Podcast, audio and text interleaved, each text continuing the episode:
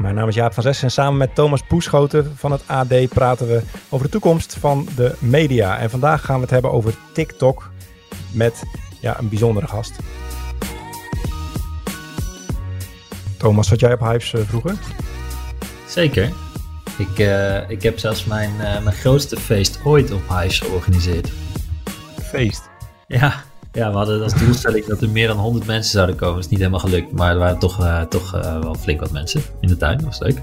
Ja, dat, dat was mijn voornaamste herinnering aan Hives. Dat we daar een feestje hebben via Hives een groot feest hebben georganiseerd. Maar waarom vraag je dat, Jaap? Nou, ik vraag het omdat het in, uh, in, ja, in, in, mijn nou, jeugd is wat, uh, ben ik iets te oud voor, maar vroeger was dat het eerste platform wat in Nederland heel hard ging. In 2009 zat het op zijn hoogtepunt. In 2011 werd het pas ingehaald op Facebook. Uh, maar inmiddels verschijnen de nieuwe cijfers en daarin zien we één grote nieuwe stijger. En dat is, een, dat is TikTok. Ken je dat? Ja, natuurlijk ken ik TikTok. Dat is fantastisch. Maar ik bedoel, ben je actief? Ben je actief, ja. Luister Jaap, als Marco Borsato erop zit, dan zit ik er ook op. Kijk, heel goed. Het lijkt mij wel goed om, de, om, om mensen eens mee te nemen en iemand die er echt verstand van heeft. Want dat hebben we eigenlijk gewoon, uh, gewoon niet. En dat, is, uh, dat is Fabian, uh, Fabian Ouwehand. Welkom. Hoi, hoi. Jij begeleidt influencers op TikTok, klopt dat? Ja, dat klopt. Dat doen we hier in Nederland voornamelijk, ja. Fabian, ik heb even op jouw site zitten kijken. En ik ben echt heel erg onder de indruk van de enorme waslijst aan dingen die jij doet. ja, ik ben, ik ben heel erg druk met uh, van allemaal verschillende dingen in de laatste jaren eigenlijk. Um, niet, aan, niet alleen in Nederland, maar eigenlijk over, uh, over de hele wereld, om het zo maar te zeggen. Ja, je zegt het alsof het niks is, maar uh, over, de, over de hele wereld, noem eens een paar plaatsen. Nou, voornamelijk heb ik dingen gedaan of doe ik nog steeds dingen in Europa en Azië. Dus eigenlijk weinig met Noord-Amerika, wat je wel veel ziet. Europeanen trekken meer naar Noord-Amerika, zeker voor werk. Um, ik heb het de andere kant op gedaan.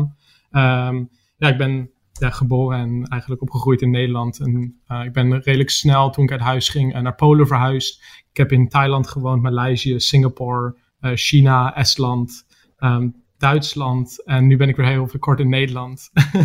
en dan gaat het avontuur ergens anders heen. Of, of om een andere reden? Ja, ik, inderdaad, ik zit vanwege corona een soort van vast in Nederland, om het zo maar te zeggen. Het is niet erg hoor, maar het plan was wel om weer eigenlijk terug te gaan naar China in februari. Maar toen was daar die hele situatie. Um, dus toen hebben we dat uitgesteld. En toen is het om, zeg maar omgeslagen en is het daar nu weer beter. En ja, is het hier. Um, dus vandaar dat ik nu in Nederland zit. En even kijken wanneer de grenzen weer open gaan. Uh, voordat ik weer kan reizen, zeg maar. En welke taal spreek je? Of welke taal hun? Um, nou ja, ik... Um, voornamelijk spreek ik dagelijks uh, Engels. Um, ik heb een Chinese vriendin, dus daar spreek ik Engels mee. Ik heb Chinees proberen te leren voor, voor een tijd. Ik heb daar op de universiteit zo'n cursus gedaan. Dat is niet helemaal goed gegaan. Ik heb in Polen heb ik een beetje Pools gesproken. Ik heb Koreaans een tijdje geleerd. ik spreek een beetje het Singaporese accent. het Singlish noemen ze dat. ik spreek een beetje Duits, omdat mijn moeder Duits is. Dus ik zeg maar, ik heb wel te maken gehad met verschillende talen. Maar wat ik echt beheers... Hoe ben je er allemaal beland dan? Of wat, wat ben, en wat ben je er allemaal aan het doen? Ja, ik, nou, ik, ik ben eigenlijk altijd van het, van het een en het ander gerold. Um, ik ben wel altijd zo iemand geweest die heel veel kansen in verschillende dingen uh, zag. Ik ben eigenlijk mijn eerste bedrijfje begonnen hier in Nederland uh, toen ik 15 was. Um, daar heb ik verschillende dingen gedaan, van sportkleding tot een mediabedrijfje um, in het korfbal. Um, waar we een grote korfbal community hebben opgezet hier. Um, nou, vanuit daar heb ik inderdaad sportkleding gedaan, um, dat je daar weer kansen zag. toen zag ik, hey, in Nederland is dat duur voor de productie, dus toen ben ik naar Polen gegaan. Uh, toen is dat bedrijf eigenlijk uh, ja, failliet gegaan. kwam ik in een persoonlijke, uh, persoonlijke schulden. toen heb ik gewerkt in Polen voor een ander bedrijf. En ja, ben weer snel uit die schulden gelukkig kunnen komen. Um, en toen dacht ik van, ik ben er helemaal klaar mee. Ik ga gewoon een uh, enkeltje naar, um, naar Azië boeken. Ik wist weinig van Azië. Ik ben er gewoon heen gegaan. Um, ik denk dat ik maar een paar honderd euro op mijn bankrekening had. Dus dat was ook niet heel handig om te doen. Uh, maar kort daarna ben ik eigenlijk een beetje gaan freelancen van wat ervaring had ik met verschillende bedrijven. Ben ik redelijk snel in Singapore terechtgekomen. En toen Um, ja, daar heb ik zoveel geleerd. Um, en, ja, maar waarover en wat dan? Wat deed je in Singapore en wat leerde je en wat, wat was je allemaal aan het doen? Ik heb in Singapore heb ik voor in, real estate uh, gewerkt. dus real estate in Azië is, is heel erg groot. Het is een hele grote industrie. daar heb ik voor een familiebedrijf gewerkt uh, die origineel uit Hongkong komen. Die heel veel commerciële ja, gebouwen en hele straten in Singapore beheerde. En ik heb daar een aantal van die gebouwen gemanaged. Dus er zat bijvoorbeeld coworking in. Dus daar heb ik gemanaged. En toen daarna ben ik daar later heel snel doorgegroeid om digital product management te gaan doen. Dus eigenlijk digitale producten in de real estate te lanceren. Dus ik heb uh, verschillende producten gelanceerd. In, en even um, voor beeld in de tijdlijn, hoe oud was je toen? Ik was toen 22. Um, dus toen was ik uh, digital product manager daar in Singapore. Um, en ja, werkte ik op het headquarter team, zeg maar. Dus dat was voor heel Asia Pacific, um, heb ik dat gedaan. Dus. En heb je een opleiding afgemaakt in Nederland of niet? Of ben je gewoon een self-made man? Um, ik, heb een, uh, ik heb een MBO-opleiding gedaan. Um, dat ging niet helemaal soepel, om, om zo maar te zeggen. Um, dus ik heb, ik heb het wel afgemaakt. ik heb het wel anders afgemaakt. Ik heb het laatste jaar af kunnen maken toen ik in Polen woonde en alleen terugvliegen voor examens. Daar is school toen akkoord mee gegaan. Dus ik heb het uh, ook weer op een andere manier gedaan. ik heb in Polen al even kort international business gestudeerd, maar dat is natuurlijk ja, niet goed gegaan. dus ik heb eigenlijk niks zeg maar, op een universitair niveau uh, afgerond. Maar ik heb wel een MBO-diploma. Um, ik ben echt helemaal best wel flabbergasted over de hoeveelheid aan dingen die je er even zo uitlepelt. Zo in één keer zo, oh, ik heb dit gedaan en dat gedaan en, en toen dus. En uh, wauw. En, we zijn, en we zijn nog pas op je 22e levensjaar, dus alles daarna... Hoe oud ben je nu, Fabian? Nou, ik ben nu 26. Dus er is in die vier jaar ook weer veel gebeurd, zeg maar. ja, ik zeg het allemaal zo hoor. Het is niet allemaal makkelijk uh, geweest of zo. Maar ik, ik doe gewoon heel veel dingen en ik reis veel en ik krijg met heel veel dingen te maken. Dus soms ja, probeer ik het soort van samen te vatten. Maar het is best wel lastig. Want jouw naam viel, oh, jouw naam viel toen we ja, iemand nodig hadden die, die connecties had met TikTok en die daar veel over wist. Uh, toen je op je 22e, vier jaar geleden zat je nog in real estate. en jouw naam wordt nu genoemd in Nederland als de TikTok-man. Hoe komt dat? um, Nou ja, voor, TikTok voornamelijk. Uh, ik heb dus in Singapore heb ik gezeten. Ik deed dus dingen met de Chinese markt ook al. Um, en toen heb ik eigenlijk een vriendin die ook in Singapore woonde, um, daar nog studeerde, um, uit China. En, en die deed, uh, die deed zo'n zo'n gekke app, wat TikTok nu is. maar die was toen alleen nog maar in, in China beschikbaar, onder de naam Douyin. en dat was echt in de hele early days, zeg maar. dus ja, ik was best wel geïnteresseerd, uh, omdat ik in het marketing zat. Ik deed verschillende social media en heel veel social media uh, ja, werkt niet in China. Um, dus ik wilde graag weten van nou, waar ben je eigenlijk mee bezig? Uh, hoe werkt dat eigenlijk? toen ik net een relatie kreeg.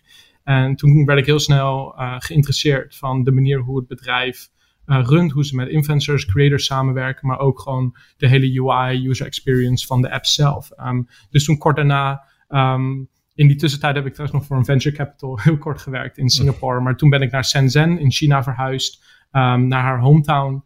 Uh, en zijn we eigenlijk een bedrijf begonnen. Ik wist weinig over China. Um, en zijn we een bedrijf begonnen om uh, creators, maar ook um, bedrijven te helpen op die Chinese app. En toen hadden ze nog maar een paar miljoen gebruikers. En dat is weinig in China. Er waren heel veel vergelijkbare apps al terug in 2016, 17. Um, ik denk ongeveer 40, 50 vergelijkbare apps in China die allemaal veel groter zijn. Een paar miljoen is heel klein in China. Maar het is natuurlijk wel interessant, het, eh, het stukje van TikTok, hè? want je zei het was geen grote app. Er waren veel meer apps die veel groter waren. En waarom is TikTok dan nu wel groot? Of valt het wel mee in China? En leg meteen even uit wat het is. Ja. Ja, dus TikTok komt uit, uit China, voor degene die dat misschien wel gezien hebben in het nieuws. Um, ik denk dat daar voornamelijk in het nieuws wordt over gepraat dat het een Chinese app is. En um, wat betreft privacy en dat soort dingen. Um, TikTok is, is gestart uit een soort van passion project, uh, passieproject van de founder van ByteDance. Dus het moederbedrijf van ByteDance. Uh, en ByteDance beheerde al uh, uh, Toutiao. Dat is een nieuwsaggregator. Dus dat is eigenlijk, ze halen al het nieuws van verschillende platformen en geven jou precies wat jij wilt lezen um, of horen via podcast of wat dan ook. Um, elke dag geven ze een notificatie van dit is wat je moet lezen. Um, en die zijn er heel erg succesvol in geworden. En waardoor ze succesvol zijn geworden is door dat hele slimme algoritme wat ze hebben. zij werken met een recommendation algoritme, wat eigenlijk heel erg innovatief is binnen ja, verschillende platformen wat je eigenlijk ziet. Google werkt meer met search. En wat eigenlijk het doel van ByteDance altijd is geweest, is om de search helemaal weg te halen en jou echt direct geven wat je wilt zien. En daardoor zijn ze dus met TikTok uh, begonnen, omdat ze eigenlijk zagen van, hey, deze markt ontwikkelt zich zo snel en we kunnen daar heel erg op innoveren. Um, dus toen zijn ze met een team van acht begonnen, um, die gewoon in het kantoor van ByteDance zaten om daarmee te beginnen. En eigenlijk een, ze hebben een hele...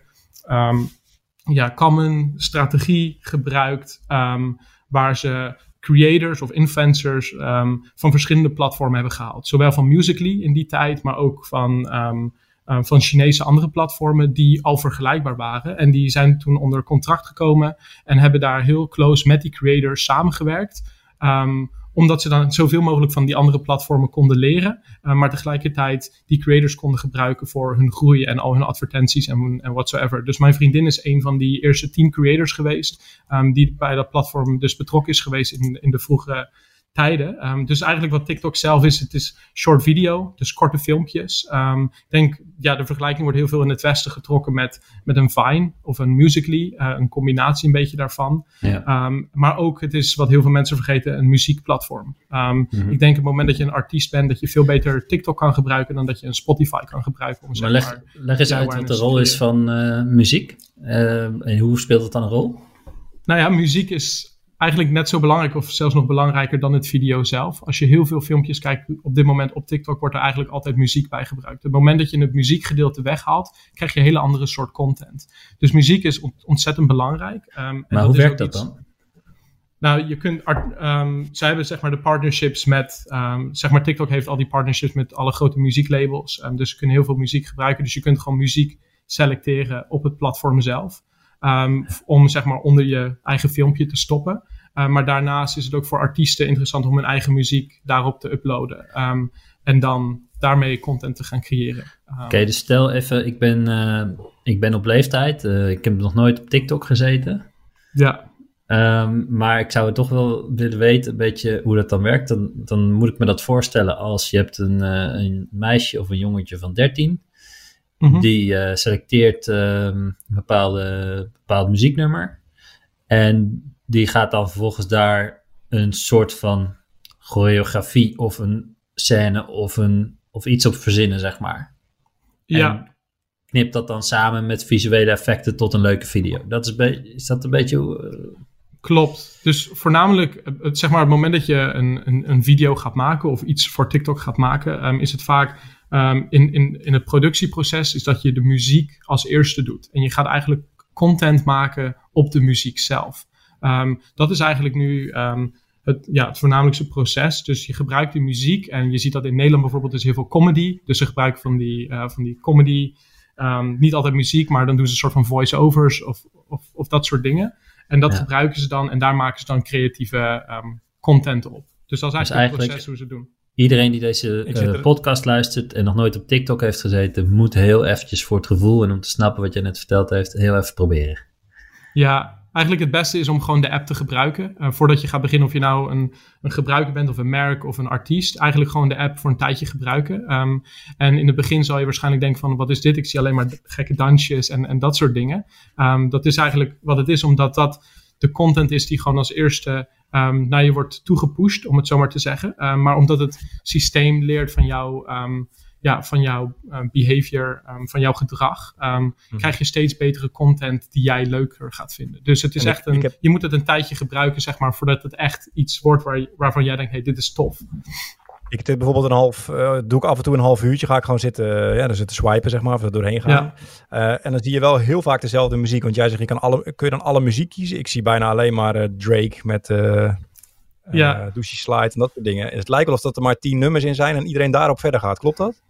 Klopt, dat is wel een beetje. En dat is eigenlijk hoe, hoe, de, app, hoe de app werkt. Um, en dat is omdat ze met een recommendation systeem werken. En ze hebben eigenlijk, je hebt uh, van die hashtag challenges. Dus hashtags worden anders gebruikt dan bijvoorbeeld op een Instagram uh, of op andere platformen. Um, hashtags worden gebruikt als challenges. En dat is eigenlijk heel normaal in China. Heel veel platformen hebben dat. Maar dus wat betekent dat dan als het een challenge is?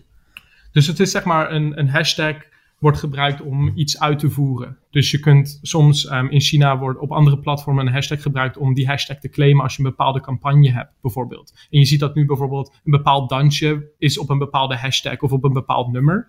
Um, dus vaak is dat gerelateerd aan zo'n hashtag. En dan gaat iedereen ongeveer hetzelfde doen op hetzelfde nummer. En dat noem je van die hashtag challenges. En dat is waarom je er constant dezelfde nummers terug ziet komen omdat een aantal zijn die zo'n zo'n hype hebben geïntroduceerd. Dat kan TikTok zelf geweest zijn, of dat mhm. kunnen grote gebruikers zijn. En er zijn dan heel veel andere gebruikers die dat dan gaan volgen. En dat kunnen ze dan op een hashtag zien om um, hashtag doen om gezien te worden, bijvoorbeeld. Of om met zo'n bepaalde trend mee te doen. Dat is eigenlijk waarom je heel veel nu dezelfde content ziet. Maar dat gaat veranderen over time, om het zo maar te zeggen. Dat is echt, dat was ook de eerste dagen in China. Was het heel veel op de manier hoe wij dat nu op TikTok in Nederland zien. Maar dat gaat veranderen.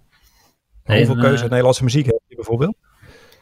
Um, nou, er, is, er is heel veel keuze in, in de Nederlandse muziek. Je ziet ook steeds meer Nederlandse artiesten die op het platform gaan, um, direct met die muzieklabels die samenwerken met TikTok, um, om de muziek daar zeg maar, te lanceren. Dus er is heel veel Nederlandse muziek. maar gebruikers kunnen ook nog steeds zeg maar, hun eigen uh, sound uploaden. dus ze kunnen soms ja, hun eigen muziek uploaden of, of wat, ja, wat je ook hebt, je eigen voice. Nu zag ik op jouw website, uh, Fabian, een enorme lijst met mensen staan. Met allemaal frisse jonge kopies. En uh, linkjes of, of, of, namen van, uh, van Twitter-handles of TikTok-handles. Dus ik heb ook even gekeken naar een aantal van hen, wat ze allemaal maken en zo. Veel Nederlandse mensen ook. Ja. wat, wat heb jij met die mensen te maken? Ja, um, we zijn een aantal maanden geleden, dus begin maart, zijn we een, een bedrijf of merk begonnen. Um, om creators te helpen om uiteindelijk betere creators te worden. Dus wat we eigenlijk zijn is een soort van incubator waar die creators... Oké, wacht even, wacht even. Dus creators zijn mensen die op TikTok zitten en daar de boel plat influencen, zeg maar? Ja, dus ik gebruik vaak de term uh, creators. Um, Ik weet dat hier in Nederland vaak de term influencers wordt gebruikt. Dus misschien gebruik ik de term influencers om het makkelijker te houden. Um, dat is eigenlijk omdat ik dat zo zeg, omdat um, influencers zijn voor mij een bepaald soort creators. en dat is eigenlijk wanneer je naar China kijkt, zijn er heel veel verschillende soorten creators. Niet iedereen die veel volgers heeft, heeft een bepaalde influence over iets. Dus vandaar dat ik zeg maar één term gebruik, maar we kunnen influencers voor het Influencers of, of, creators maakt niet uit, maar we weten nu in ieder geval wat het, en de luisteraars weten nu wat het betekent. En je noemde net ook heel snel even het woord incubators. Die mag je ook even uitleggen. Ja, dus een incubator is eigenlijk een, een, een soort van programma wat wij hebben waar creators um, een onderdeel van zijn, waarbij ze helpen om betere creators te worden. Dus dat kan zijn bijvoorbeeld een creator uiteindelijk wilt of op tv komen, of op eigen muziek gaan maken, of eigenlijk hun eigen merk gaan starten of bedrijf.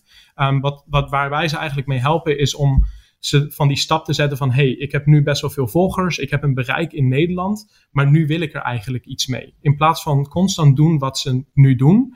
Um, zeker voor TikTok, de relevantie gaat heel snel weg op TikTok. Het kan en zijn wat is je, constant doen wat ze nu doen dan? Waar moet ik dan aan denken? Um, zeg maar, gewoon de influencers die maken constant content. Elke dag maken ze verschillende video's. Um, doen ze, ja, ze maken allemaal verschillende dingen. Ze proberen te groeien op een Instagram, op een TikTok, op een YouTube. Dat is eigenlijk constant doen wat ze doen. Constant nieuwe content maken. Um, maar daar voor de rest weinig uh, verder mee doen.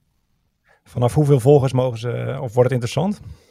Um, nou ja, dat hangt er dus vanaf. Uh, wij proberen daar iets anders in te doen. Um, wij wij gaan focussen op dat sowieso social commerce. Dus dat is een hele ander onderwerp. Social commerce is eigenlijk dat mensen nieuwe producten of services gaan kopen via social media. Dus je ziet bijvoorbeeld wat Facebook uh, recent heeft gelanceerd met Facebook Shops. Dit is al heel erg gebruikelijk um, in China. Um, TikTok in China heeft dit ook allemaal al voor, voor een aantal jaar. Um, maar dat betekent dus dat je niet per se veel volgers nodig hebt om eigenlijk sales te genereren. En wat je dan eigenlijk gaat zien straks is dat je bepaalde creators hebt die bijvoorbeeld alleen make-up reviews gaan doen. En die hebben misschien maar 10.000 volgers, maar die, die al die 10.000 volgers willen meer over die make-up weten om nieuwe producten te kopen. Dus eigenlijk is het een soort van review platform. Maar dan heb je ook natuurlijk de influencers die gewoon veel bereik willen gaan halen. Maar die hebben dan vaak een hele andere intentie. En waarschijnlijk gaat daar het geld meer verdiend worden, bijvoorbeeld als ze in een film gaan spelen of in een tv-serie of wat dan ook. Want dan heeft dat bereik echt zin. Ja. Het klinkt een beetje als ons verhaal van vorige week uh, over Twitch, waar een beetje hetzelfde principe lijkt te gelden. Dus je, dat het niet zozeer om gaat omdat je heel veel kijkers hebt, zoals op YouTube, maar dat het veel meer gaat omdat die paar mensen die jou volgen heel erg fanatiek daarin zijn en bereid zijn om ook de portemonnee te trekken, zeg maar. Klopt. Dus het is inderdaad, um, en zeker voor TikTok, um, volgers moet ik eerlijk zeggen, zijn iets minder waard. Um, de manier hoe het algoritme werkt, op het moment dat je goed bent in content creatie binnen je eigen categorie, kun je gewoon veel volgers krijgen. Dat is eigenlijk hoe het werkt. En waar wij eigenlijk die creators op willen trainen is van, Um, als je een bedrijf wil starten, heeft het veel meer zin als je duizend echte fans hebt in plaats van een miljoen neppe fans die het wel leuk vinden om te volgen, zeg maar. Um, maar als je op tv wilt, is het de andere kant op. En creatieve mensen die hebben de afgelopen jaren al de kans gehad om op Instagram en YouTube uh, eerst in Nederland influencer te worden. nu komt TikTok eens een beetje een nieuw kid on the block. Is het dan niet zo dat je de mensen die niet geslaagd zijn op die andere kanalen nu overhoudt? Of zie ik dat verkeerd? Um, nou ja, ik denk TikTok is een heel ander soort platform dan een Instagram of een Snapchat of een YouTube. Um, ik denk wat we gaan zien is gewoon dat mensen verschillende platformen blijven gebruiken. Um, TikTok is heel erg aan het focussen op dat recommendation. Um, dus echt het moment dat jij content, creatieve content gaat creëren in bijvoorbeeld beauty of in fashion, dan kan TikTok een heel succesvol platform voor jou zijn. Waar je misschien een, een groep kan bereiken, waar je misschien niet zozeer veel volgers voor nodig hebt. Um, maar wel je doelgroep kan bereiken veel makkelijker dan dat je op een Instagram kunt of op een, of een YouTube bijvoorbeeld. En dat vind ik wel interessant, want waarom kan een Chinees bedrijf dat beter dan een Google bijvoorbeeld? Want dat is blijkbaar zo. Nou ja, um, Google werkt zeg maar anders, uh, maar ByteDance, dus zeg maar het moederbedrijf van TikTok, heeft wel eigenlijk, die ziet Google als een voorbeeld. Dus waar eigenlijk veel wordt gezien van, ah, TikTok is misschien het nieuwe Facebook of het nieuwe Instagram. Um, wil Bidens veel meer de kant op richting Google. Wij zijn het nieuwe Google en TikTok is een van onze producten. TikTok is ook maar een van de producten. Ze hebben best wel veel verschillende uh, platformen en apps. En jij begon net over dat het een nieuwsaggregator uh, was. Alleen ik mis een beetje het nieuwshaakje hierin, klopt dat? Um, nee, Bidens, dus het moederbedrijf van TikTok, heeft ook een andere mhm. bedrijf, een andere app. En dat is een nieuwsaggregator um, in China zelf. Um, dus dat is zeg maar een van de platformen die ze hebben, waar ze het vergelijkbare algoritme gebruiken. Um, dat, dat recommendation uh, algoritme. Dus dat is anders dan bijvoorbeeld een Google doet, of dat is anders dan een Facebook doet. zeg maar de, de intentie is anders. Dus het product is daardoor ook anders. Denk jij dat Facebook dit ook na gaat bouwen? Want dat hebben ze in het verleden met bijna alles gedaan wat succesvol was. Of ze kochten het op en als ze niet wilden verkopen, dan gingen ze het nabouwen en hadden ze meer geld. Ja, dat klopt. Nee, dat ga je sowieso zien. Dus Facebook is daarmee bezig. Eigenlijk iedereen is elkaar constant aan het kopiëren. Wat ik eigenlijk wel zie is dat het veel minder um, competitive is in het Westen. Je hebt daar een aantal echt grote bedrijven um, die domineren, zoals een Facebook of een Snap. Um, in China heb je eigenlijk heel veel van dat soort bedrijven. Wat ik al eerder al zei, er zijn 45 of 50 short video apps die allemaal, weet ik veel, 50 miljoen gebruikers minimaal hebben in China. Dus het is heel erg competitive daar al. Um, dus iedereen kopieert elkaar constant. En dat is ook een van de redenen waarom TikTok heel weinig aan PR doet wanneer ze nieuwe um, dingen lanceren. Um, omdat, elkaar, omdat iedereen elkaar constant kopieert. Ik denk wat TikTok wel is, is TikTok is short video in, in de core. Facebook is dat niet. Dus het moment dat een YouTube of een Facebook vergelijkbare futures gaan kopiëren, mensen zullen nooit Facebook zelf als het platform als voor short video gaan gebruiken. Dus ik denk dat daar echt het verschil in komt. En natuurlijk, iedereen kopieert een beetje van elkaar, maar iedereen gebruikt het platform op een andere manier. Maar ze hebben dus eigenlijk veel meer concurrentie in China. En zijn ze wel veruit de grootste en denk je dat ze dat blijven? Of is het, hebben ze niet zo'n monopolie als Facebook dat heeft? Um, nou ja, er, zijn, er is niet zo'n monopolie inderdaad als Facebook dat heeft. Je hebt natuurlijk wel de grote partijen in China. Um, dus je hebt nu ByteDance, maar je hebt Baidu. Um, dus zeg maar vergelijkbaar met Google. Um, dan heb je Tencent uh, van WeChat bijvoorbeeld. Maar, uh, en dan heb je Alibaba. Dus hier in Nederland kennen ze AliExpress bijvoorbeeld. Um, maar Alibaba is gigantisch ook. En dat zijn eigenlijk de, de vier grote bedrijven die wel domineren. Maar je hebt daar ook nog heel veel kleinere bedrijven. Of waar bijvoorbeeld Alibaba en Tencent beide hebben in geïnvesteerd. Dus het is heel erg competitive daar. En die, ja, die zitten echt op één groot niveau. Waar Instagram bijvoorbeeld valt weer onder Facebook. Um, ik denk dat daar meer monopolie in zit, om het zo maar te zeggen, dan dat het in, in China is. Ja, dat is eigenlijk een leukere markt. Tenminste, er gebeurt meer in. Ze moeten meer doen. En Facebook heeft natuurlijk echt gewoon monopolie. En ik ben wel benieuwd, waarom krijgt TikTok dan als, in mijn beleving, enige partij uit China in het Westen voet aan de grond? Um, nou, ze hebben dat heel slim gedaan um, vanaf het begin. Zeg maar, ByteDance, dus het moederbedrijf, heeft altijd de intentie gehad om een, een global bedrijf te worden. Dus echt over de hele wereld. Um, in plaats van dat je Tencent of Alibaba zijn veel meer China gefocust. Um, dus dat was altijd hun intentie. Um, en de, de CEO heeft ook altijd gekeken naar het buitenland. Hoe, hoe doet Google dat? Hoe doet Facebook dat? Dus dat was altijd de intentie om, om globaal te gaan. Um, dus zo zijn ze ook doorgegroeid. En ze zijn natuurlijk een Chinees bedrijf. Ik denk waardoor ze succesvol zijn geworden in de eerste stappen in, in het Westen, is omdat ze uh, toen destijds Musical.ly hebben overgekocht. Ze hadden Musical.ly, zo, om zo te zeggen, niet nodig om zeg maar de um, de nieuwe users te bereiken of wat dan ook. Maar voornamelijk voor het westerse team dat Musically al heeft opgebouwd. Want Musically is ook een Chinees bedrijf. Um, die komen uit Shanghai. Weten veel mensen misschien niet. Die denken dat het een Amerikaans bedrijf is, maar dat is ook een Chinees bedrijf geweest. Die eigenlijk al best wel goed die Amerikaanse markt heeft gedomineerd in die bepaalde categorie. Um, maar die hadden dus hun team in Shanghai en dus in, in LA. Um, waardoor de stap veel makkelijker was voor TikTok om eigenlijk naar het westen te gaan. En wat je nu ook ziet is, ze zijn heel veel mensen in het westen aan het aannemen. In Londen, maar ook in LA, in New York, in Berlijn. Waar ze het meer als een globaal bedrijf willen doen. Waar de Chinese onderdeel een onderdeeltje is van het globale bedrijf. Dus het wordt op een globaal gerund en niet vanuit China, wat veel mensen denken eigenlijk. En het effect of het gevolg daarvan is nu, Fabian, dat heel veel kinderen of jonge mensen in Nederland, met name jonge mensen in Nederland, op TikTok uh, actief zijn. Um, vertel nog eens iets meer over die, over die mensen in Nederland. Bijvoorbeeld, wat, uh, stel ik zou nu uh, geïnteresseerd zijn, wie moet ik zeker even opzoeken? Wat moet ik even, wat moet ik even gaan bekijken? Um, um, zeg maar als je gewoon de app nu gaat gebruiken, toch? Ja, dus, jij zegt van ja. een paar tips van echt gebruikers, die moet, je, die moet je zien. Ik bedoel, ik volg Marco Borsato nu. En, ja, weet je. maar verder, wat, wat, nou, ja, en ik denk dat dat het interessante is met TikTok. Je hoeft niet per se naar mensen te zoeken. Want de juiste mensen die komen naar jou toe. En dat is eigenlijk het grootste verschil wat ik net probeerde ook uit te leggen met het recommendation en het zoeken ervan. Um, op een Instagram zou je naar iemand zoeken om te volgen. TikTok geeft die persoon aan jou. Dus het is echt dus- gebaseerd op... Dus jij hebt geen shout-out nodig naar de, naar de mensen uit jouw stal, zeg maar. Die, als, het goed, als jij goed werk goed hebt gedaan, dan komen die mensen uit jouw stal vanzelf naar mij toe. Klopt, Klopt. Dus het zou best wel kunnen dat je een aantal van onze mensen al een keer hebt gezien. Um, en dat is eigenlijk hoe het werkt. Dus ik hoef niemand zeg maar te zeggen, ah, die zijn beter of die zijn leuker. Um, ze komen vanzelf naar jou toe. En TikTok, en dat is wat zij heel erg proberen te branden, TikTok is voor iedereen. Dus iedereen krijgt de content die zij straks willen zien. En het, het, het moet nog doorontwikkelen, zodat je straks verschillende soorten content gaat zien. Dus meer richting beauty of fashion of sport. Nu is het allemaal een beetje dansen of comedy, heel veel in, in Nederland. Maar dat, dat gaat nog wel veranderen. Dus ik zou niemand zeg maar nu zeggen, ah, die zijn echt toppers. Um, je gaat het vanzelf zien. Ja.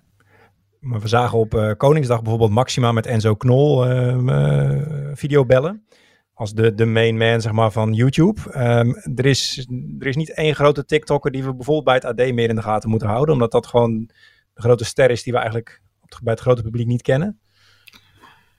Nou ja, je hebt een aantal die wel, zeg maar, goed aan, aan de weg aan het timmeren zijn, zeg maar. We willen namen, ja. ja. je hebt een je hebt, nou, Sarah Dol is een grote, denk ik, die doet er best wel veel in Nederland um, rondom. Maar je hebt ook uh, Marky, die volgens mij 4,5 miljoen volgers heeft. Um, die is een Nederlander, maar die doet eigenlijk heel veel in Amerika. Maar wat doet hij dan? dan heb, um, nou, die, ja, dat is verschillende soorten content. Voor mij doet Sarah veel meer tutorial tutorials. Dat kun je zien als je TikTok gebruikt, dan weet je wat ik bedoel. Uh, maar meer van die tutorials waar je dingetjes uitlegt. Um, hoe, hoe je bijvoorbeeld um, je camera moet houden, hoe je ja, van die gekke magic video's kunt maken, om het zo maar uit te leggen. Um, ik denk dat die er met z'n tweeën redelijk bovenuit steken. En dan heb je eigenlijk een hele grote groep die tussen de 100.000 en 500.000 volgers hebben eh, op TikTok. En wij hebben daar best wel veel van. En die zitten allemaal ja, tussen, tussen comedy content. Ik denk dat dat de meeste zijn. Uh, sommigen geven advies over bepaalde onderwerpen. Maar dit is echt waarom wij hier nu komen in de markt. Omdat wij ze willen helpen met ontwikkelen. Dat ze echt in hun categorieën gaan doen. En dan zou het voor mij ook makkelijker te zijn van... hey, dit zijn echt de top beauty. Um, zoals Nikki Tutorials, dat is echt top in beauty. Die hebben we nog niet in Nederland. Omdat het nog te vroeg is. En dat duurt eventjes voordat mensen door gaan krijgen van... hey, ik wil veel meer met beauty gaan doen. Veel meer met fashion. Misschien veel meer met gaming. En dat is waar wij heel erg aan proberen te werken om, om die toppers te krijgen in hun eigen categorie. In plaats van dat iedereen ongeveer hetzelfde doet. Want dat is uiteindelijk wel wat je nu ziet. Op het moment dat je TikTok in Nederland gebruikt, iedereen doet hetzelfde dansje op dezelfde muziek of hetzelfde soort filmpjes. Um, ja, dan krijg je toch een hele grote groep die denkt van nou, dit is een beetje cringe, dit vind ik niks. Um, en je hebt een grote groep die dat misschien wel leuk vindt. Um, maar dat is wel waar die ontwikkeling nog in ja, moet doorgroeien, zeg maar. En heb je, we hebben krantenkop gehad dat TikTok eh, heel populair is onder jongeren. Heb je daar cijfers van of uh, klopt dat? Um, nou ja, TikTok is populair inderdaad onder jongeren. Uh, wat ik in Nederland eigenlijk zie, echt onder hele jongen. Um, volgens mij echt vanaf acht jaar oud of zo dat kinderen het gebruiken. Voor mij mag dat niet, maar um, dat is wel zeg maar de praktijk. ik denk wat de reden daarvoor is, is niet zozeer door TikTok zelf. Het is voornamelijk omdat de adaption rate, ik weet niet precies hoe ik dat in Nederland zeg, maar kinderen switchen veel sneller naar iets nieuws toe. Het is veel makkelijker voor hun dan dat ik mijn oma zou moeten uitleggen: hey, kun je een nieuwe app downloaden? En, of mijn ouders zelfs al. Dan zeggen ze: ja, wat is het nou? En wat kan ik hiermee? Um, kinderen, het moment dat één iemand dat op school gebruikt, um, gaat straks iedereen dat gebruiken. En dat is waarom het een hele jonge doelgroep op dit moment heeft. En dat was exact hetzelfde in China. Maar nu zie je in China dat er opa's en oma's zijn die, uh, die um, reistours aan het verkopen zijn en dat soort dingen. Dus en nu zeker na deze tijd um, met die COVID-19 um, zit een hele oudere doelgroep al op. Dus op dit moment heeft Nederland voor mij rond de 3,5 miljoen gebruikers. Um, dus ze zijn best wel hard doorgegroeid. En, maar dat verschilt nu allemaal tussen, ja, ik denk 12 jaar oud en 35 jaar oud zijn echt de, de grote gebruikers op de, op de app op dit moment. En het is eigenlijk ook de grootste uitdaging van Facebook, als ik jou goed begrijp. Want Facebook heeft een monopolie en denk je dat ze dat kunnen gaan doen? Nou ja, het is, wat ik al zei, het is, het is anders. Ik denk ook nog heel veel mensen gebruiken nog steeds Snapchat. Snapchat is best wel groot nog in Nederland. Um, maar mensen gebruiken Snapchat en ze gebruiken een TikTok. En ze gebruiken Instagram. Dus ik denk dat het, het, het, is anders. En ik zeg dat voornamelijk omdat ik dat eigenlijk in China zie. Er zijn zoveel verschillende platformen en iedereen gebruikt een platform op zijn eigen manier. En ook iedereen gebruikt een bepaald platform voor een bepaalde doelgroep. Je hebt bijvoorbeeld vergelijkbare apps als TikTok in China, waar alleen uh, Beijing, Shanghai, Shenzhen, Guangzhou, zeg maar de grote steden en de rijke steden op zitten. Maar dan heb je ook heel veel apps waar juist de armere en de rural, um, zeg maar in het midden van China ergens, die gebruiken dat soort apps weer veel meer. Dus ik denk dat je dat gewoon gaat krijgen, um, dat er verschillende partijen zijn uh, met verschillende soorten content. Heb jij zicht op de data? Want dat is natuurlijk in Europa best wel een issue, die privacy. Uh, wat ze ermee doen of wat ze Um, nou ja, ik, ik, weet wel dat ze een heel groot onderscheid maken tussen de Chinese versie van TikTok, dus Douyin en TikTok zelf. Um, TikTok is heel hard bezig om zeg maar ook daarvan af te komen. Um, dat iedereen zegt van ah, alle data die gaat naar, um, gaat naar China. Het is echt gescheiden gerund. Ze zijn nu ook met een datacenter bezig in, in de US. Ik weet dat heel veel van hun content review, um, dus zeg maar echt mensen die alle video's kunnen zien, dat ze dat bijvoorbeeld in Berlijn een heel groot team daarvan hebben. die doen dat allemaal in-house. Ze willen, TikTok wil dat allemaal zelf controleren. In plaats van Facebook die dat bijvoorbeeld outsourced naar andere bedrijven om die content review te doen. TikTok wil echt die controle houden over wat er gebeurt op, op de app. Um, qua data, ja, voor zover ik weet, wordt helemaal niks gedeeld met de Chinese overheid. Um, dus het moederbedrijf van TikTok, werkt eigenlijk het minste van de topbedrijven in China met de overheid. Um, ze hebben ook een andere app die werd direct geblokkeerd door de Chinese overheid, omdat ze bijvoorbeeld daar Facebook-posts konden laten zien in hun soort van um, messenger-achtige app. Dus ja, ze, ze, proberen dat echt gescheiden te houden. En nu ook zeker omdat ze die, uh, een nieuwe CEO voor TikTok hebben aangenomen, uh, die van Disney komt, willen ze echt een, een globaal bedrijf maken. En eigenlijk meer glo globaal en China echt apart houden van de rest van de wereld. Ja. Nou, jij mag terug het land in, denk ik, eh, straks. Hey, hoe, uh, wij werken bij het AD, dus als Nederlandse mediapartij. Hè? Uh, wij zijn ja. er nog niet op actief, omdat we, nou ja, ik weet überhaupt niet zo goed hoe het met doorklik zit. Dat weet jij misschien wel, of we mensen naar de site kunnen halen. En je, je kan het natuurlijk gewoon ook gebruiken als merk. Uh, wat zou jouw advies zijn uh, aan ons of aan een nieuwsmerk? Um, nou ja, ik zou je eigen creativiteit houden. Uh, wat je nu veel ziet met merken, zeker in Nederland, die proberen of zelf challenges op te gaan zetten. Of ze proberen um, ja, dingen te kopiëren van, ah, dat vinden de kids cool. Dus ga, we gaan, wij gaan ook een dansje doen met het AD, zeg maar. Dat werkt eigenlijk niet. Um, dat is eigenlijk um, try too hard, om het zo maar te zeggen. Um, wat, wat eigenlijk werkt, een, een heel goed voorbeeld hiervan is van Tagesschau in Duitsland. Uh, Tagesschau is ook een, een, een, een nieuwsmediabedrijf.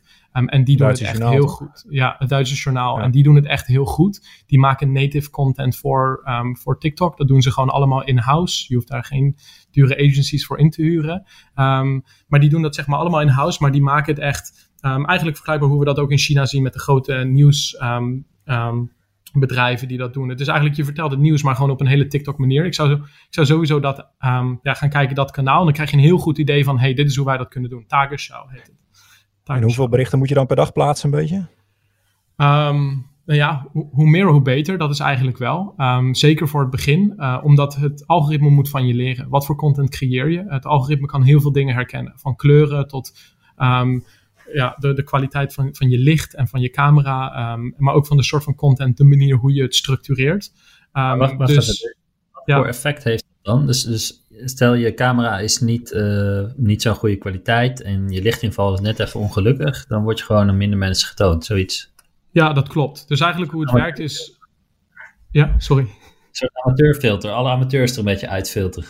Ja, nee, maar zo werkt het echt. En, het algoritme kan dat herkennen. Het is bijvoorbeeld hetzelfde ehm, als je bijvoorbeeld in een auto zit en je maakt een filmpje als je achter het stuur zit. Heb je waarschijnlijk een veel lagere reach of het filmpje wordt zelfs uh, verwijderd. Um, dat is wat het algoritme ook kan herkennen.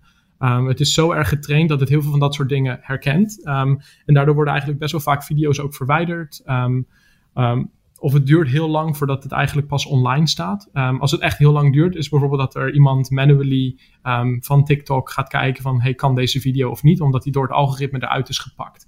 Um, Dus het is echt belangrijk inderdaad je licht, je camera kwaliteit, maar ook de structuur van hoe je video is. Hoe lang is je video? ja, en, en vinden mensen het eigenlijk leuk? dat het een soort van discriminerend algoritme aan het worden is. Ik bedoel, dat betekent dat jij, als je wat minder geld hebt en je, zit net, je woont net even in de verkeerde wijk, je bent opgegroeid met de verkeerde ouders, dat het een stuk lastiger is om uh, succesvol te worden. Nou ja, misschien wel met je als je een slechtere telefoon hebt met een slechtere camera, denk ik. Maar dat is inderdaad wel een beetje, beetje hoe het werkt. Ik, uh, ik weet niet hoe je, hoe je dat kunt zeggen of het discriminerend is. Ehm, maar het is wel, ze, ze doen dat op die manier. Ehm, zeg maar als je echt veel volgers wil krijgen, ja, je moet gewoon een goede kwaliteit camera hebben en een goed, goed licht. Dat is gewoon belangrijk. Maar ik denk dat het voor elk kanaal is. Het moment dat je dat op Instagram doet, krijg je ook minder likes of volgers of engagement als, uh, als het, alsof het met een aardappel is gefotografeerd, zeg maar. Je vertelt dit nu als, als zelfsprekendheid, alsof het normaal is om dit te weten. Maar um, uh, is, hoe transparant is TikTok over dit soort zaken? En weet jij als gebruiker ook uh, wat zeg maar. Uh, krijg je ook feedback zeg maar op hoe het algoritme jou heeft beoordeeld? Dus, dus stel ik maak een, uh, een video en ik doe daarin iets wat, de, wat ze bedacht hebben dat niet goed is. Dus ik maak een bepaald politiek statement dat er niet hoort of zo. krijg ik dan ook inzicht in waarom ze dat blokkeren en kan ik daar ook tegen protest gaan? Of hoe, hoe moet dat zien? Nou ja, wat, wat politieke dingen, ik zie daar dat ze niks daarin blokkeren, in ieder geval. Um, dat, dat, dat wel. Um, dus dat, ja, dat gebeurt eigenlijk niet um, rondom politieke dingen. Wel als je bijvoorbeeld, stel je springt ergens uit en het kan gevaarlijk zijn. Zie je heel vaak beneden van, ja, het is, het is goed, ja, je kunt hier gewond aan raken. ze hebben dat wel vaak met dingen, dus dat is wat het algoritme dan herkent. Maar inderdaad, ja, ik denk dat je uiteindelijk dat altijd houdt op heel veel social platformen. Um, met ja, uiteindelijk moet er wel een beslissing gemaakt worden en een lijn getrokken worden. TikTok heeft wel bepaalde um, guidelines van wat mag en wat niet mag. Dat kun je ook gewoon op de website bijvoorbeeld vinden. Um, maar je krijgt inderdaad wel te horen waarom vaak er iets is geblokkeerd of niet. Dus dat wel, maar niet in alle situaties. Um, dus bijvoorbeeld, heel vaak heb je wel met wat wij met onze creators hebben, wordt een livestream geblokkeerd voor zeven dagen, maar ze hebben eigenlijk geen idee waarom. En dan, ja, dat is lastig, zeg maar. Um, maar ja, dat is, soms gebeuren dat soort dingen. Um, maar ze zijn daar gewoon heel strikt in. Ze hebben het liever, de, zeg maar, better safe than sorry. Dat is wel wat ze doen. Ze blokkeren het liever in plaats van dat er toch iets gebeurt en dat het overal in de PR staat, zeg maar. Ja, ik wil even terug naar een uh, iets luchtiger onderwerp, als je het goed vindt, Thomas. Ja, zeker. Nog uh, kritische vragen over de privacy. Uh, de, thuis op vakantie. Natuurlijk, corona brak uit en die hashtag zag, zag ik als beginnend gebruiker veel terugkomen. En jij schijnt er ook achter te zitten. Ja, nee, daar zitten wij achter. Um, we, wilden, we wilden iets leuks doen um, tijdens deze tijd. Dat iedereen toch nog een beetje creatief thuis kon zijn. Um, eigenlijk een meer een positieve message. Ja, versturen. Dus we hebben dat samen met TikTok hebben opgezet. Um, wij, wij kennen ook de mensen die voor TikTok Nederland dingen doen. Dus we hebben gezegd van, hey, dit zou echt een leuke campagne voor Nederland zijn. Uh, zeker omdat um, er eigenlijk nog geen Nederlandse campagnes waren die echt op Nederland gericht uh, waren. Omdat TikTok heeft op dit moment niemand die Nederlands spreekt, die daarvoor verantwoordelijk is. Um, dus wij hebben daar een beetje een helpende hand om zo'n campagne te doen. Om te kijken ook van hoe het gaat, hoe reageert de markt erop. Uh, en nu heeft hij 22 miljoen views gehad. En hij is echt hyper-targeted geweest op alleen Nederland. Dus niet op andere landen. Dus ik denk dat dat, dat is inderdaad, je hebt hem waarschijnlijk gezien als je de app hebt gebruikt. Um, ja, maar dat is inderdaad wat we samen hebben gedaan met onze creators. Ik heb hem niet gezien, maar ik ben wel benieuwd wat het überhaupt is. Um, nou ja, we hebben een campagne gedaan, zeg maar, omdat um, de, volgens mij de meivakantie in, was in Nederland. Ja. Um, maar kinderen konden natuurlijk niet op vakantie omdat ze binnen moesten blijven. Dus het idee erachter was eigenlijk, oké, we halen de vakantie naar je huis toe. Dus eigenlijk waren die, die filmpjes um, van mensen die um, het strand lieten zien op hun televisie en daar in een hangmat voor de televisie lagen, bijvoorbeeld. Ehm, allemaal dat soort verschillende filmpjes of in je zwembroek. Ehm, onder het water staan, onder een tuinslang of wat dan ook. Dus dat was eigenlijk een beetje het idee erachter. Want wat we eigenlijk zien, inderdaad, in, in TikTok Nederland, is heel veel mensen dat ze of challenges kopiëren. Dus inderdaad dat je content hetzelfde ziet. Maar wij eigenlijk willen dat iedereen zo creatief mogelijk is. En echt iets creatiefs gaat bedenken op een bepaalde challenge. Wat eigenlijk de hele intentie is van die challenges, in plaats van het kopiëren ervan. Dus dat was eigenlijk ons, ons doel, die creativiteit uit, uit de users halen. Kun jij ons de tien eh, best bekeken filmpjes eh, leveren voor een artikel? Ehm, ja, die kan ik wel sturen. ja, dat doen we achteraf. Maar dat is misschien best wel leuk voor mensen om te zien. En ik ben ook wel benieuwd. En bepaalt eigenlijk TikTok gewoon uh, dat mensen in Nederland dit zien. Dus je hebt eigenlijk gewoon, je wordt enorm daardoor geholpen. Want op, ik heb het gevoel dat je op, op YouTube en Instagram moet je het echt zelf verdienen of zo. Klopt. Nee, dat is inderdaad hoe TikTok dat doet. Um, het moment dat jij in Nederland bent, gaan ze ervan uit dat jij Nederlandse content wil gaan zien. Dus het moment dat je een creator bent, en dat is waarom je ook heel snel kunt groeien eigenlijk, omdat je heel makkelijk een doelgroep kunt bereiken. Omdat eigenlijk TikTok dat al voor jou doet, in plaats van dat je dat oh. zelf hoeft te zoeken. Ehm, Als je de goede mensen kent. En ja. ja, maar het kan ook zomaar zijn dat je dat je 500.000 uh, views krijgt of uh, eh, 50.000 likes op een filmpje als je nul volgers hebt um, en net begint. Dus dat kan ook, omdat zij het eigenlijk uitsturen. Um, gewoon naar de mensen die dat waarschijnlijk leuk vinden. En dan gaan ze kijken van wie vindt het leuk. Als veel mensen het leuk vinden, wordt het naar meer mensen uitgestuurd. Dat is eigenlijk een beetje hoe het werkt. Maar jij wist van tevoren, we gaan die campagne doen en het wordt toch een succes, want TikTok uh, helpt ons. Dat klopt. Ja, dat klopt. Dus wij wilden met onze creators natuurlijk um, wel zeg maar, het goede voorbeeld laten zien ik denk bijna als een verwijt, Jaap. Eh, alsof het een beetje vals spelen is. Dus nou, ik vind het wel interessant, want volgens mij, kijk, uh, Twitter zit niet meer in Nederland. Zat het wel. Uh, Facebook hebben we met heel veel moeite een één contactpersoon voor West-Europa, zeg maar. Daar zijn we heel blij mee. welke hebben we nog meer? Ja, Google, nou, daar hebben we ook wel contact mee. zit wel in Nederland, eigenlijk als enige met een vestiging. En TikTok zit er dus ook, zeg jij. Nou, ze zitten nog niet in Nederland. Um, Dus het wordt veel vanuit Londen gedaan. Of nog een aantal contactpersonen die zelf in China zitten om zeg maar meer de, de operations te doen. Dus om echt de, een campagne op te zetten. Um, je kunt een beetje zien als vals spelen trouwens. Um, natuurlijk, TikTok heeft daar wel bij geholpen. Aan de andere kant zie ik vergelijkbare campagnes in Nederland waar TikTok ook gewoon op de trending de, de hashtag zet. Maar die gaan niet zo hard als die van ons ging bijvoorbeeld. Dus je moet het uiteindelijk nog steeds zelf doen. Het enige wat TikTok doet is, die stop je gewoon daarboven van oké, deze hashtag is trending. Maar er moet nog steeds wel wat op gebeuren. Dus uiteindelijk is het wel veel meegeholpen. Maar uiteindelijk ja, er zijn campagnes die soms heel goed gaan en sommige ook niet. En ik denk die van ons, voor een eerste keer kunnen we best tevreden over zijn. Ja, op Twitter heb je die promoted hashtags en daar heb ik nog nooit op geklikt, omdat het gewoon er heel duidelijk bij staat. Ja. Je bent niet de doelgroep, Jaap. Nou, misschien toch wel. Ik ben halverwege 30. Ben ik dan nog de doelgroep? Jawel, het, het komt, het komt eraan. Het, het, wordt voor, voor iedereen. Je ziet ook nu veel kinderen die met hun ouders content gaan maken of ouders die alleen content gaan maken. Dus je ziet het wel veel meer. En het, het is gewoon een kwestie van tijd voordat de oudere doelgroep erop gaat. Maar ik snap wat je bedoelt, zeg maar, omdat op de gesponsorde hashtags in ehm, TikTok zie je niet een promoted. Dus je, hebt, je weet niet wat er nou, waar een bedrijf achter zit of, of wel. Dat is eigenlijk iets interessants. Ik zal ze een keer over vragen. ja. Mijn zoontje van zes, uh, dat is het eerste kanaal waar hij eigenlijk... Ja, YouTube vindt hij leuk, maar daarnaast uh, TikTok, daar kan hij inderdaad... Toen hij mij dat zag bekijken, toen ging hij het zelf ook doen. En het is gewoon heel uh, instinctief voor hem. En je merkt gewoon dat het voor kids... en daarna zei hij ook gelijk van mag ik weer een keer op TikTok en zo. En daar begint het natuurlijk mee. Ja. Maar goed, dus ehm, ja, zo begint dat. Hey, um, een vraag die jij misschien ook wel vaak krijgt is... hoe krijg je een blauw vinkje? Want dat, ik weet dat jij dat ergens geregeld hebt. Ja, we hebben dat voor, voor een aantal partijen in Nederland hebben we dat nu geregeld. Um, ze zijn daar, om eerlijk te zijn, strikt op um, op dit moment. Um, TikTok heeft sowieso voor creators zijn ze daar heel strikt op. we hebben maar een aantal creators ook die uh, verified zijn. En dat is dat vaak nogal vanuit vroegere tijd, om het zo maar te zeggen. Uh, toen ze het weggaven als, uh, als candy, om het zo maar te zeggen. nu zijn ze daar gewoon heel strikt in. ook voor bedrijven. wat je eigenlijk ziet heel erg met TikTok is dat ze meer rondom uh, de, een po positieve message willen gaan. Ze hebben bijvoorbeeld grote campagnes gedaan met de World Health Organization en dat soort dingen. Um, omdat ze, ze hebben de omzet niet nodig op dit moment. Um, ze hebben heel veel commerciële aanvragen vanuit Nederland, maar eigenlijk vanuit de hele wereld. Um, maar ze willen dat op dit moment nog niet allemaal aanpakken. Dus wat betreft het blauwe vinkje, zijn ze daar ook een beetje voorzichtig in van oké, wat voor commerciële partijen gaan wij blauwe vinkjes geven en eigenlijk de support geven om door te groeien. We hebben inderdaad dat voor een aantal partijen hier gedaan. We kunnen kijken of we daarbij kunnen helpen. We kunnen niet ehm, zeg maar ehm, dat garanderen, omdat wij dat ook niet precies weten. En het verandert ook constant intern weer binnen TikTok, omdat ze heel hard aan het groeien zijn. Ze willen naar 100.000 werknemers toe dit jaar. Dus constant veranderen de teams en wie er verantwoordelijk voor is. Maar ja, we kunnen dat wel doen voor bedrijven inderdaad. ja, nou, binnen voor, voor onze journalisten en binnen de mediawereld kunnen we bij Facebook en Instagram kunnen wij blauwe vinkjes aanvragen. Of tenminste, dat, uh, ik, heb, ik claim dat dan vaak. Dus uh, dan krijg je af en toe ben je ineens heel erg uh, geliefd bij die mensen. Omdat je gewoon een contactpersoon ja. hebt bij Facebook en Instagram om dat te doen. Maar wil je BN'ers ook bij jou aan de lijn hebben? Of hoe gaat dat? Kunnen die ook ergens naartoe?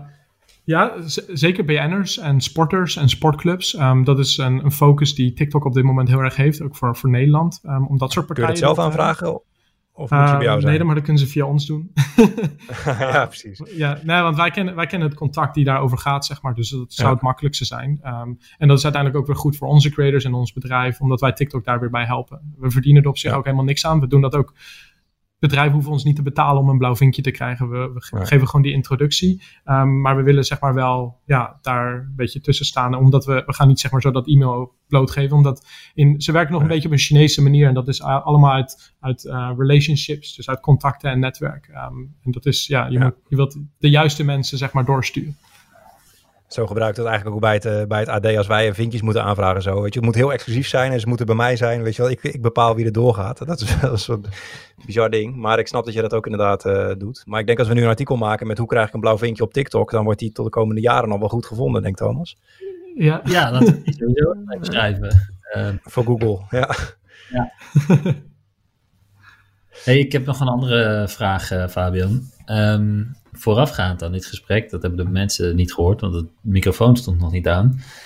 Toen spraken wij nog geen mm, twee minuten en het ging al over mentale gezondheid in combinatie met uh, nou ja, wat je allemaal doet. En je hebt ook op je website staan dat je dat een belangrijk onderwerp van gesprek vindt. Ja. Hoe is dat gekomen?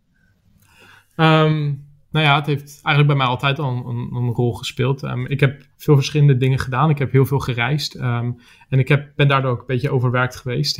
of een beetje erg. Uh, ik heb een aantal jaar heb ik, uh, heftige paniekaanvallen en angstaanvallen gehad. Dat ik echt ja urenlang voor een ziekenhuis heb gezeten omdat ik uh, dacht dat ik dood zou gaan, zeg maar. Um, ik heb ook uh, ja, heel veel symptomen van depressie gehad en allemaal dat soort dingen terwijl ik in het buitenland woonde. En dat is echt iets geweest voor mij wat ontzettend lastig was. Um, omdat ja. je eigenlijk op een plek zit waar je niemand om je heen hebt. Je kent eigenlijk de cultuur niet, de taal niet en je zit daar soort van vast. En zeker nu, ik, uh, ik heb daar veel over gedeeld. ik doe daar regelmatig workshops over. Um, Um, voor bedrijven, maar ook gewoon voor, um, gewoon organiseer ik zelf uh, om mensen bij elkaar te brengen. Maar zeker in deze industrie um, moet er veel meer over gesproken worden. wij spreken intern met onze community van creators in Nederland, spreken we er best wel veel over. als mensen zich niet goed voelen, kunnen, kunnen ze daar altijd over spreken. Maar ook ja, als ze ja, daar professionele hulp bij nodig hebben. Die zitten ja. ook nog in een leeftijdsgroep waar natuurlijk misschien extra, die misschien extra kwetsbaar zijn. Klopt, uh, ja, die, nee, die zijn er zeker heel erg kwetsbaar voor, maar niet alleen zij, maar ook hun fans. En we proberen daar ook heel voorzichtig mee te zijn. Um, je ziet veel dat creators nu adviezen proberen te gaan te geven van als je niet goed voelt, doe dit en dit. Um, ik probeer altijd te zeggen van uh, alleen een professional, zeg maar, uh, die, die kan dat zeggen. dat kunnen wij als creators ja, je wilt wel een soort van verantwoordelijkheid nemen, maar je kunt ook niet alles doen en je moet daar best wel voorzichtig mee zijn. We hebben een, een evenement een aantal weken geleden georganiseerd. Dat heet het Gala at Home. Wat we een, e-, een, online evenement in Minecraft hebben georganiseerd met een aantal creators. En daar zijn alle opbrengsten ook naar uh, Mind Young gegaan. Um, zeg maar het goede doel voor, voor jong, jongeren, uh, voor mentale gezondheid in Nederland. Dus we proberen daar ook wel die positieve impact te doen. Maar we willen het wel bespreekbaar maken, ook met onze creators. Um, ja, naar iedereen toe eigenlijk naar buiten. Dus we zijn ook met een aantal initiatieven daarin nog bezig. Ik vind het heel goed dat je dat uh, doet. Wij hebben eerder ook een podcast opgenomen met YouTubers. En die zeiden dan ook wel dat het algoritme hen eigenlijk dwingt om ja, dagelijks content te maken. Omdat ze anders uh, de views kwijtraken als ze een paar dagen niks doen of een paar weken. Um, ja. Hoe zit jij in dat spel? Of tenminste, hoe zit jij daarin? Want uh, het staat ook een beetje ja, haaks op elkaar. Ja, het, het, is, het is een beetje, ja, het is haaks en soms ook een beetje tegenstrijdig. Um, want je ziet wel dat al die grote bedrijven zeggen, nou, we willen dat supporten. Maar aan de andere kant, die algoritmes werken inderdaad van, uh, ze pushen en ze proberen zoveel mogelijk uit die creators te halen. Omdat natuurlijk, uiteindelijk speelt geld heel veel, een grote rol. Ook voor, voor YouTube zelf en advertenties en, en dat soort dingen. Um, dus is, het is lastig. Ik denk, het meeste wat je kunt doen, ja, je, je moet er je, je kunt bijna geen andere kant op um, als je een creator bent. Uh, daarom proberen wij heel erg met creators om te kijken van kunnen we die monetization, dus het geld verdienen, um, buiten TikTok gaan doen. Dus dat je TikTok op zich niet nodig hebt, maar wel een soort van springplank voor een creator kan zijn om iets te bouwen. Of dat nou je eigen merk is of ergens anders, zodat die druk minder wordt gevoeld um, op een door een TikTok. Uh, YouTubers hebben dat natuurlijk lastig, omdat daar direct verdienen aan advertentiekosten, uh, aan, aan hun advertenties die ze op hun video's hebben. TikTok heeft dat niet. Um, ik weet wel bijvoorbeeld in China dat TikTok daar heel veel mee doet. Die geven heel veel workshops en livestreams uh, over mentale gezondheid. Um, voor, voor, uh, voor een hele doelgroep die gewoon alle gebruikers kunnen kijken. Um, daar doen ze heel veel mee. ik weet dat ze daar ook wel in het Westen heel veel mee bezig zijn. Maar wij proberen het zeg maar op ons niveau heel erg te controleren. En inderdaad niet zozeer dat we aan een TikTok vastzitten. Omdat daar het geld mee verdiend wordt of wat dan ook. Maar dat de creators doen omdat ze het leuk vinden.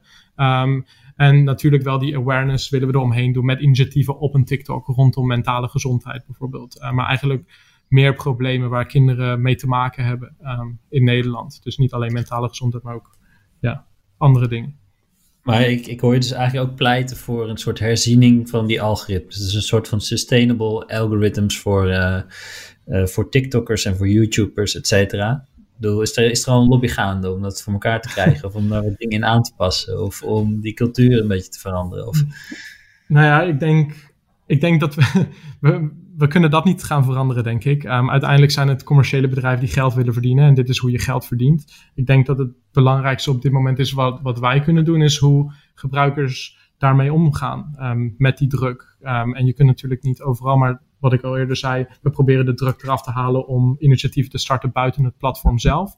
Maar we werken heel veel met TikTokkers, omdat wij zien dat TikTokkers wel echt heel creatief zijn. ze zijn heel goed in de storytelling. Ze kunnen short video's maken, longform video's, foto's doen, livestreams. Um, dus we willen juist hun talent en creativiteit gebruiken voor alle verschillende dingen die we kunnen doen. Maar ja, als we het algoritme daarin kunnen veranderen. Het klinkt toch tegelijkertijd een beetje vreemd dat, dat uh, de verantwoordelijkheid uh, komt te liggen bij uh, jongens en meisjes van 12, 13, 11 jaar. En niet bij een groot internationaal opererend bedrijf dat aan een paar knoppen kan draaien om het een en ander aan te passen. Of in ieder geval om, om een, een, een, handreiking te doen, laat ik het zo zeggen. Bedoel ik, ze kunnen niet alles oplossen, maar ze kunnen het wel, het systeem zo organiseren dat nou ja, wat ze, wat ze wel hebben bijvoorbeeld, uh, in China heet het de Sunflower Program. Ik weet niet of ze dat in, in Nederland op dit moment hebben, maar er zit een soort van kinderslot op um, voor kinderen onder 18 jaar, um, waar de ouders dat aan kunnen zetten.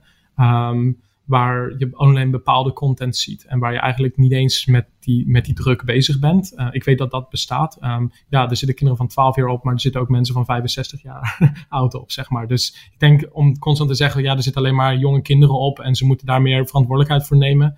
Um, de, de, zitten gebruikers overal van elke leeftijd. Um, dus ik, ze moeten ook ergens een lijn trekken, denk ik. Ik ben het wel mee eens dat ze heel veel dingen beter kunnen doen hoor, voor, voor kinderen. Um, bijvoorbeeld dat soort, zo'n zo'n soort van lock voor kinderen, dat ze in China bijvoorbeeld alleen um, educatiecontent kunnen zien en alleen maar positieve content.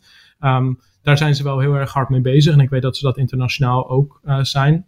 Maar het blijft natuurlijk uh, lastig. Het is uh, uiteindelijk altijd, denk ik, tegenstrijdig. Ik denk dat heel veel bedrijven dat soort dingen hebben van ja, het is misschien ethisch niet altijd helemaal netjes om te doen. Uh, maar ja, uiteindelijk zie je met dat soort megabedrijven dat geld een hele belangrijke rol speelt. En ze kunnen heel veel over privacy of safety zeggen, maar uiteindelijk verdienen ze het geld niet daaraan, maar ja, aan de andere kant. Dus ik denk dat dat met elk platform is. En natuurlijk, TikTok is nog jong en die probeert. Het bedrijf sowieso is pas acht jaar oud nu. Het hele moederbedrijf zelfs. Dus het is nog heel jong. Dus ze zijn ja, ik weet dat ze bezig zijn, maar ja, ze kunnen het beter doen op heel veel punten. Zeker in Europa, denk ik. Ja. Hey, ik wil afronden met een laatste vraag eigenlijk, uh, als Thomas het eens is, over het nieuws maken. Kijk, wij volgen uh, namens het AD, uh, wij monitoren ook wat er op social media gebeurt in Nederland. En Twitter heeft natuurlijk heel toegankelijke trending topics. Dan kun je zien, daar praten veel mensen over. Facebook levert ons ook een tool. YouTube heb je trending. Heeft TikTok ook iets voor ons, dat ons als dertigers ook heel snel kan laten zien, dit bericht gaat harder dan gemiddeld of zo? Um, nou ja, als je, als je hoge kwaliteit content maakt, gaat een bepaald bericht harder. Um, ja, ik, wil het, ik wil het kunnen vinden, hè, zeg maar. Dus om erover te schrijven als nieuwsmedium. Um, kun, kun, je nog één keer de vraag, zeg maar... nou, kijk, wij willen eigenlijk schrijven over... Stel dat ik wil schrijven over dit was deze week trending op TikTok in Nederland. Zou ik dat dan kunnen vinden ergens? Want daar kijk ik nu niet naar. Nee, Uh, dat is lastig, omdat TikTok werkt op een andere manier. Um, wat vandaag trending is, is misschien morgen niet meer trending. Um, zeg maar, ouderwetse geest, ja. Ouderwetse ja, geest. Nou ja, of, nou, ik, ik, noem het een week, maar ik zou het ook van vandaag willen weten. Ik wil er best over schrijven namelijk. Van dit, dit is nu een uh, trend in Nederland.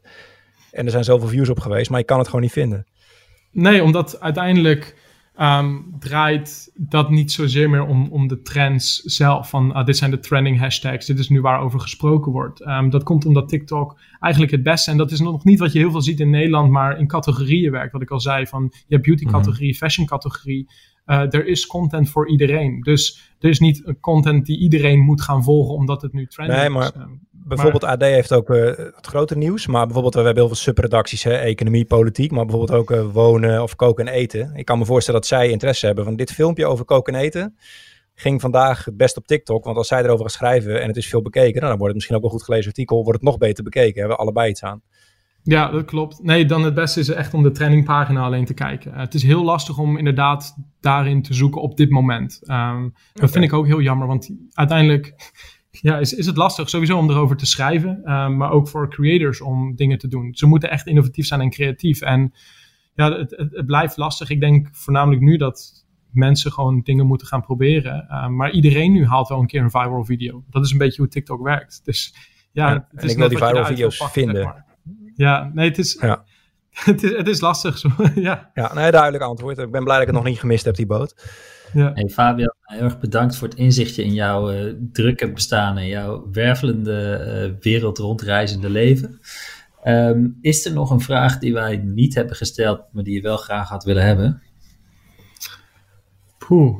Um, nou ja, niet zozeer. Ik denk voornamelijk wat ik hier misschien in Nederland wil ja, zie is ik weet bijvoorbeeld, ik probeer niet TikTok of zo te verdedigen, maar ik denk dat um, TikTok, ik weet dat ze heel hard bezig zijn. We kennen best wel veel mensen intern uh, om het een positief like app uh, te maken. Um, en ook heel erg daarmee bezig zijn. Ik denk nog wel meer dan sommige andere social media platformen. Um, ik denk dat ze daar ja, gewoon goed mee bezig zijn. natuurlijk moeten we wel allemaal kritisch blijven, maar ik denk sowieso, ik denk dat we TikTok gewoon moeten zien als een platform dat, gaat er, dat blijft sowieso. dat is waar we rekening mee moeten houden. um, het klinkt alsof jij een Nederlandse tak van TikTok uh, uit de grond gaat stampen. nou ja. Oh nee, wacht, moet je in Nederland zijn natuurlijk. Dat is niet handig voor je. Nee, uh, nee en ik, heb ook, ik, ik denk dat ik er liever buiten zit dan erin. Um, TikTok is, het is lastig om te werken. TikTok is uh, ja, de, de meest waardevolle start-up en ze werken echt als Chinese bedrijven. Dus het is echt, het is hard. Is uh, heel lastig om voor dat soort bedrijven. Hebben hele hoge turnovers. Dus als iemand daar komt werken, heel veel mensen gaan na drie maanden weer weg. Het is gewoon, het is gewoon ja, lastig. Um, maar ja, ze kunnen veel beter doen in Europa. Dat is ook een reden waarom wij um, in Europa zijn gekomen. Wij weten heel veel van de creator kant af. Uh, hoe, hoe ze dat in China hebben gedaan en wat ze graag in Europa willen. Uh, dat is voor ons ook het hele doel geweest om heel veel op die creators te focussen en daar toffe dingen mee te doen. Om ze daar een beetje dat handje um, mee te helpen. Ik denk, ja, daar ja, moeten we veel meer nog mee bezig. Ja. Ik vind het heel tof om te horen. Ik zou heel graag nog dingen over China willen horen en de toekomst daar. Dus misschien kunnen we daar later nog een keer over bellen. Ik vind het echt heel gaaf. Als mensen die luisteren denken, uh, wie is die jongen? Hoe kan ik je vinden? Via welk bedrijf of via hoe wil je benaderd worden? Nou, op LinkedIn uh, Fabian Bern of Fabian Ouwehand kun je me vinden. Of op uh, Twitter doe ik ook veel I am Fabian Bern. Um, daar kun je me ook vinden. En daar post ik eigenlijk... Fabian Bern? Sorry? heet je opeens Fabian Bern? Dat moet je even uitleggen. Ja, nee, dat is uh, van mijn moeders naam. Dat gebruik ik voornamelijk internationaal. Um, als ik ergens um, in een publicatie sta of een podcast doe, gebruik ik dat. Uh, want het is makkelijker te vinden en makkelijker uit te spreken voor veel mensen internationaal dan uh, Fabian Ouwehand. Maar dat is hoe mensen mij overal kunnen vinden. LinkedIn en Twitter plaats ik eigenlijk dagelijks. Heel veel over China. Um, eigenlijk altijd over TikTok en Douyin en over het bedrijf en nieuwe innovaties, nieuwe futures. Maar ook de verschillen tussen beide platformen en waar het, uh, waar het heen gaat. Dus dat is waar, we, ja, waar ze me kunnen vinden en dan kunnen we daar in contact komen. Cool. Nou, ik wil graag nog één foto zo maken voor onze social kanalen, Thomas. Die hebben we ook. Het heet nu de podcast Toekomst VD Morgen op Twitter. Dan kunnen we hem daar plaatsen. Ik weet niet of dat een idee is van mijn vriendin. Mijn vriendin klaagt al dagen dat ik me moet scheren en zo. En, ja, ja, ik moet naar de kapper. Ja, het is heel ver weg. Het gaat even om het idee. We moeten ook onze eigen content een beetje verzorgen, Thomas. Bedankt. Okay. Uh, we hopen elke maandag om 7 uur iets te plaatsen. Uh, deze ook. En uh, Fabian, ik vond het ontzettend interessant. Dankjewel. Yes, thanks.